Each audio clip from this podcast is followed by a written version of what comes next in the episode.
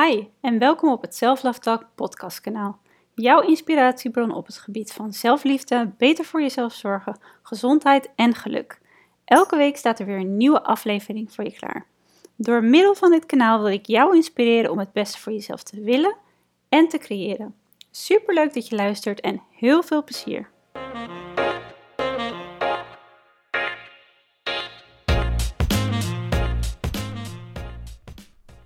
Hi en wat leuk dat je luistert naar een nieuwe Self. Dit is alweer de negende podcast die staat. Um, en daarmee wil ik dus ook als eerst eigenlijk even zeggen dat ik het onwijs bijzonder vind dat de podcast zoveel beluisterd wordt de laatste tijd. We zitten al inmiddels al over de paar duizend views. Of nou ja, geen views natuurlijk. Aantal keer beluisterd. Um, en dat is ook mede dankzij jou. Dus dank je wel daarvoor. Hoe waardevol is het dat we allemaal meer bezig zijn um, met dit onderwerp en dat we dit ook allemaal doen op onze eigen unieke manier. En dat laatste is eigenlijk een beetje een bruggetje naar de podcast die ik vandaag voor jullie wil opnemen, voor jou wil opnemen. Um, ik wil namelijk graag hebben over het stoppen van oordelen en veroordelen van anderen, maar in dit geval eigenlijk vooral van onszelf. Want je hoort heel vaak om je heen: um, oordeel niet zo over een andere ander. Laat een ander voelen uh, wat hij voelt um, en vrij in wat hem of haar gelukkig maakt. En dit is ook absoluut een advies dat we allemaal ter harte moeten nemen. Maar naar mijn mening zouden we dit ook wel wat meer voor onszelf mogen doen. In de afgelopen Self-Love Talks, waarbij ik iemand te gast heb, stel ik altijd de vraag: wat betekent zelfliefde voor jou? En dat doe ik eigenlijk met twee redenen. Eén, natuurlijk om mijn gast en haar invulling van zelfliefde beter te leren kennen. Maar twee, ook zeker om juist te laten zien dat we allemaal een andere betekenis aan het woord zelfliefde geven. Um, en dat we zelfliefde ook allemaal op een andere manier vormgeven in ons leven. En daarmee hoop ik ook vooral te laten zien dat hier geen goed of fout in zit. Dat het antwoord op deze vraag um, ook nergens aan hoeft te voldoen. Dat het vooral bij jou als uniek persoon moet passen. En voor mij persoonlijk betekent zelfliefde eigenlijk meerdere dingen. Maar een van de betekenissen die ik hier zelf aangeef, is dat um, zelfliefde voor mij staat voor het willen accepteren van wie ik ben. En het los te laten van wie ik denk te moeten zijn. Van mezelf, maar ook misschien vanuit verwachtingen van anderen. Mezelf juist te kunnen waarderen um, voor wie ik ben. Met alle mooie en minder mooie kanten die ik van mezelf zou kunnen opnoemen. En dit dan als kracht te zien in plaats van iets dat minder is dan wat anderen hebben of juist als zwakte. En ik hoop dat dit niet een hele zweverige taal is, want in deze self-love talk um, hoop ik jou juist een beetje bewust te maken van de labels die we vaak aan onszelf hangen. Uh, en het oordeel dat we voortdurend, grotendeels trouwens onbewust, hebben op onszelf. En dan eigenlijk specifiek in het ervaren van emoties. Hoe we ons voelen kan per dag of zelfs soms per uur ontzettend verschillen. En misschien herken je het wel dat wanneer we negatieve emoties ervaren, zoals angst, verdriet of boosheid, we de neiging hebben om deze emoties, die we eigenlijk niet willen voelen, te beoordelen. En met de term um, negatieve emoties bedoel ik overigens niet dat deze emoties echt negatief zijn, als in foute emoties, maar het is enkel om het verschil tussen de verschillende emoties die we ervaren uit te leggen. Deze negatieve emoties krijgen al vaak automatisch het labeltje dat ze er eigenlijk niet mogen zijn. Of dat we deze emoties eigenlijk niet mogen voelen van onszelf. We mogen al snel niet zo zeuren. Of hebben geen goede reden om verdrietig te zijn. Of we bestempelen onszelf met gemak als aansteller van de dag. We geven onszelf eigenlijk ook niet de ruimte om te voelen wat we op dat moment daadwerkelijk voelen. En dat we dit doen is helaas heel menselijk Um, en waardoor, waarom we dit doen, verschilt weer per persoon. Het heeft deels te maken met de maatschappij waarin we leven, um, ja, waarin vaak een perfect plaatje wordt vormgegeven, waarin alles positief, mooi en succesvol is. Um, maar ook zeker onze eigen krachtige mindset speelt een rol uh, hierin, of de manier waarop we opgevoed zijn. Was er bijvoorbeeld in jouw jeugd al heel veel ruimte om je emoties te voelen en te uiten, of misschien helemaal niet?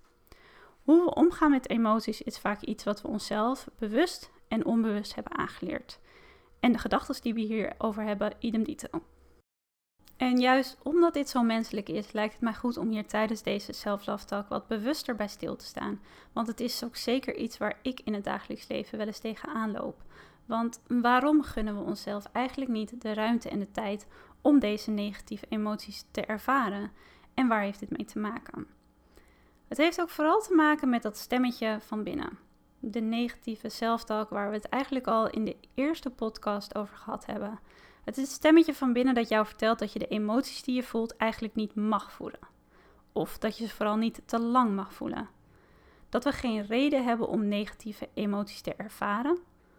Of dat we niet sterk genoeg zijn. En zoals we net al zeiden, is het trouwens niet heel gek dat we negatieve emoties bestempelen als emoties die er niet mogen zijn.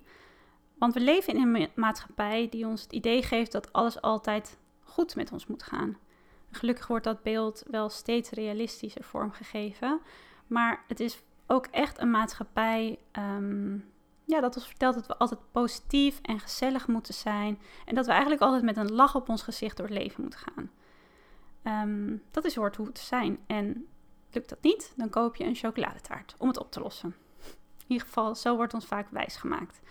Echter is het natuurlijk en daar hoop ik dat je het met mij eens bent, een vrij onrealistisch beeld om je altijd maar goed te voelen.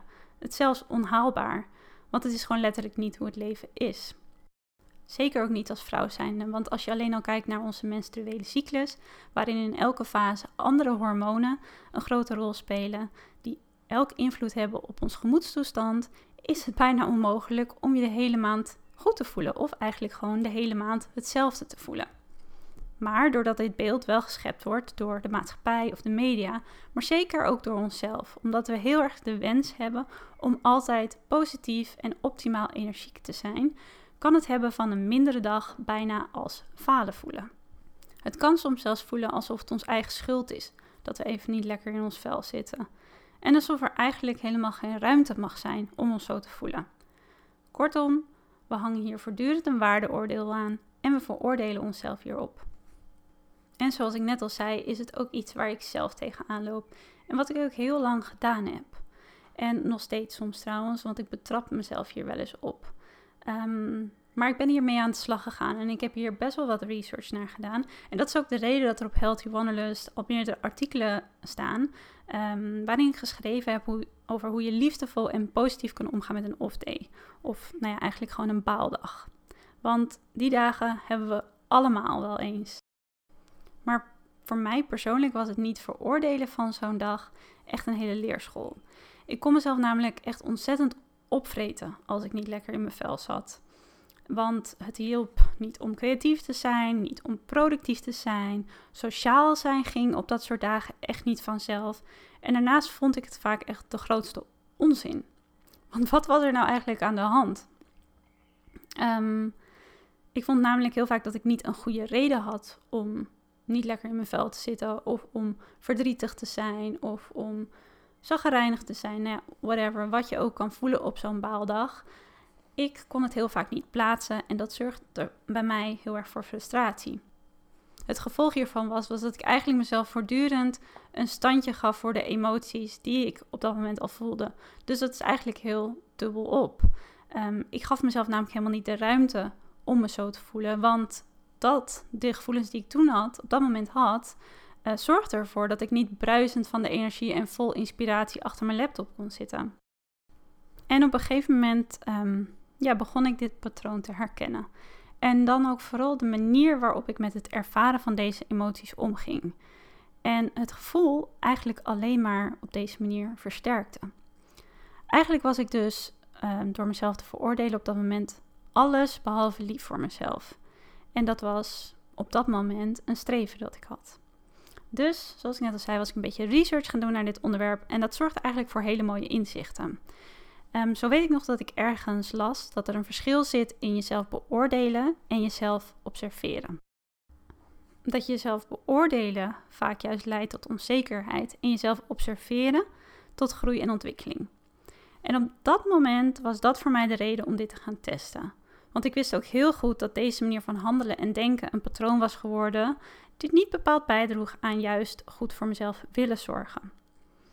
En voor mij is het verschil dat het observeren ehm, van het ervaren van negatieve emoties veel minder zwaar voelt. Maar ik de emoties tegelijkertijd wel meer kan ervaren. En dat klinkt misschien een beetje gek en dubbel, dus ik zal het proberen te uit te leggen. Maar wat we eigenlijk doen wanneer we onszelf geen ruimte geven om negatieve emoties te ervaren, is dat we deze emoties als het ware proberen af te vlakken. Ze mogen er niet zijn van onszelf en daarom mogen we ze ook eigenlijk niet voelen. Wat er dus eigenlijk voor zorgt dat je probeert om deze emoties als het ware uit te schakelen.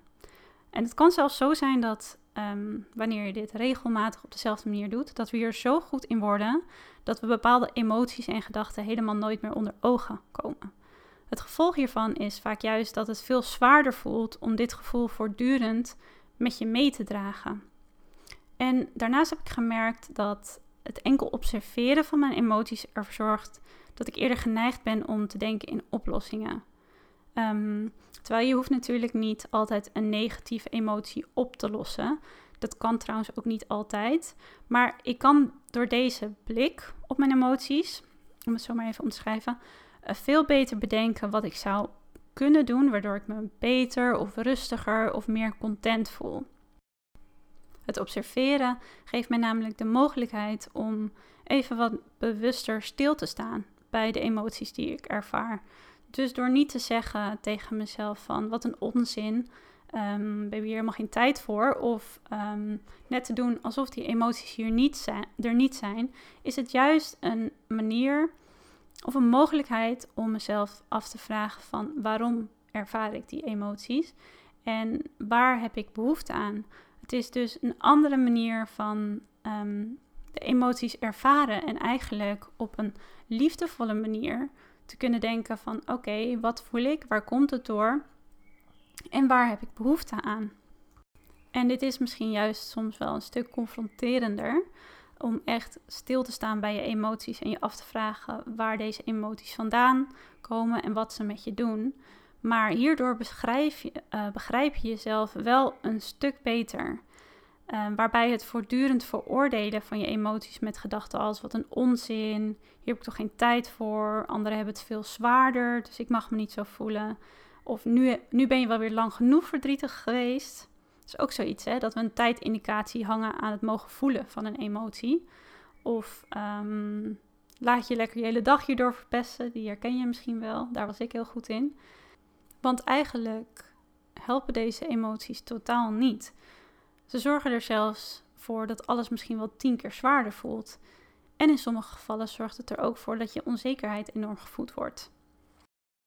En dat is vooral het advies eigenlijk dat ik vandaag aan jou wil meegeven. Om je eens bewust te zijn um, van de labeltjes die je zelf hangt aan de emoties die je voelt. Of in hoeverre je eigenlijk hartstikke streng voor jezelf hierin bent. Want eigenlijk is dit naast een mooie vorm van zelfliefde ook een vorm van selfcare. Um, ik zal het artikel trouwens um, even linken in de beschrijving waarin ik het heb over liefdevol omgaan met een off-day, mocht je dit interessant vinden. Want daarin omschrijf ik ook dat het juist een mooi moment is voor selfcare. Omdat je op een mindere dag of een moment waarop je niet lekker in je vel zit, dat je dat juist kan zien als de mogelijkheid om even stil te staan bij jezelf. Zonder oordelen, maar gewoon door te observeren. Want misschien zit er onder deze emotie die je ervaart wel een boodschap. Iets waar je even wat meer aandacht aan zou moeten besteden. Een blokkade in jezelf die verholpen moet worden. Of iets waar je al langere tijd eigenlijk geen aandacht aan durft te schenken. Of misschien, dat kan natuurlijk ook heel goed, is het een signaal van je lichaam dat je niet serieus neemt. En dan kan je met de juiste selfcare in actie komen en het zien als een mogelijkheid om beter voor jezelf te zorgen. Soms is selfcare ook tegen jezelf durven te zeggen: Oké, je voelt je nu zo en eigenlijk is het helemaal niet prettig of gewenst, maar het is oké. Dit soort dagen mogen er zijn en heel eerlijk, ze horen ook gewoon bij. Het is een vorm van zelfliefde dat je alle emoties mag voelen en ervaren. Dat je verdrietig mag zijn, of mag balen, of teleurgesteld mag zijn. En het is een vorm van zelfliefde om je vervolgens af te vragen of het helpt om jezelf even nog verder de grond in te stappen. stampen met totaal niet helpende gedachten. Door tegen jezelf te zeggen dat je je eigenlijk niet zo mag voelen, of dat het je eigen schuld is, of dat je het verdiend hebt. Het is helaas nogal menselijk door het jezelf nog moeilijker te maken of jezelf juist te straffen wanneer je niet goed in je vel zit. Wanneer je een fout hebt gemaakt of wanneer je juist super onzeker voelt. Maar, en daar hebben we het in andere afleveringen ook al over gehad, kan jij wel de controle nemen over deze gedachten en dit ook proberen bewust los te laten. Om emoties simpelweg te ervaren zoals ze zijn en jezelf juist af te vragen wat je op dat moment nodig hebt. Wat helpt wel en wat helpt niet. En daarin is het ook belangrijk om te onthouden dat daarin dus geen goed of fout antwoord is. Of nou ja, misschien wel gewoon een goed antwoord. Ehm, en dat betekent alles wat voor jou op dat moment goed voelt. Dus een tip die ik je in dit geval zou willen geven, en dit is ook iets wat ik mezelf ehm, heel vaak als tip geef, in ieder geval wat voor mij heel goed werkt, is op het moment dat je negatieve emoties ervaart, om alles wat van jezelf eigenlijk moet of wat zo hoort te zijn, los te laten. Gedachten als ik moet sterk zijn of ik hoor mij niet zo te voelen, vallen waarschijnlijk eigenlijk echt wel onder de categorie negatieve zelftalk en helpen jou totaal niet om meer rust te voelen in de emoties die je ervaart. Het helpt jou ook niet om te kunnen luisteren naar je lichaam en jezelf te kunnen afvragen wat je nodig hebt. Daarnaast denk ik dat het ook goed is um, om je bewust te zijn dat je jezelf met dit soort gedachten wijs maakt dat je minder sterk bent wanneer je even niet goed in je vel zit. Terwijl dat natuurlijk helemaal niet zo is, want iedereen heeft dit soort dagen. Negatieve emoties horen er net als positieve emoties gewoon bij. En het is juist misschien heel mooi om te zien dat negatieve emoties jou ook heel veel kunnen leren over jezelf, maar ook over datgene wat je misschien heel hard nodig hebt en waar je niet zelf, nou ja, misschien bewust bij stil zou staan. Dus probeer de controle te nemen over deze, uh, ja, veroordelende gedachten en probeer vooral de focus te leggen op helpende en verzachtende gedachten. Voor mij helpt het heel erg door gewoon letterlijk tegen mezelf te zeggen van let it be. Laat het er gewoon zo zijn en door mezelf af te vragen van waar heb ik nu behoefte aan um, en wat heb ik nodig. En om daarom dus heel erg te helpen of heel erg te denken in helpende gedachten. En ik hoop dat deze inzichten en tips jou wellicht zullen helpen om liefdevoller met jezelf om te gaan. En om jezelf op een minder moment of op een baaldag nog steeds mooi, krachtig en uniek te vinden. Want dat ben je zowel op de dagen waarop de zon schijnt en de dagen waarop het regent. Zie het ook maar gewoon zo. Want net als de zon en de regen, die elkaar ook nodig hebben als een bepaald balans, is dat hetzelfde met emoties. Nou, voordat deze zweverige praat het helemaal overneemt, uh, sluit ik bij deze, deze af. Ik ehm, hoop dat ik je heb mogen inspireren en dat je het fijn vond om te luisteren naar weer een nieuwe self-love talk. En mocht je dit nou een interessant onderwerp vinden, dan zou ik je aanraden om de eerste talk over negatieve zelftalk te luisteren. Uh, waarbij we het ook heel erg hebben over de controle nemen over je eigen gedachten. En vooral ook over de invloed die het heeft op jouw gemoedstoestand en zelfbeeld. Dus um, ja, mocht je het trouwens leuk vinden om nog iets met mij te delen na het luisteren van deze podcast. Of om mij gewoon een berichtje te sturen. Geloof mij als ik zeg dat ik dit alleen maar onwijs leuk vind. Um, so don't hold back. Dit kan via mijn Instagram, healthywanderlust.nl, via de website of via de mail. Maar om het allemaal even makkelijk te maken, zal ik alles even in de beschrijving hieronder zetten. Um, en dan wens ik je voor nu een hele mooie dag toe. Geniet ervan en vergeet vooral jezelf niet. Heel veel liefs. Bye!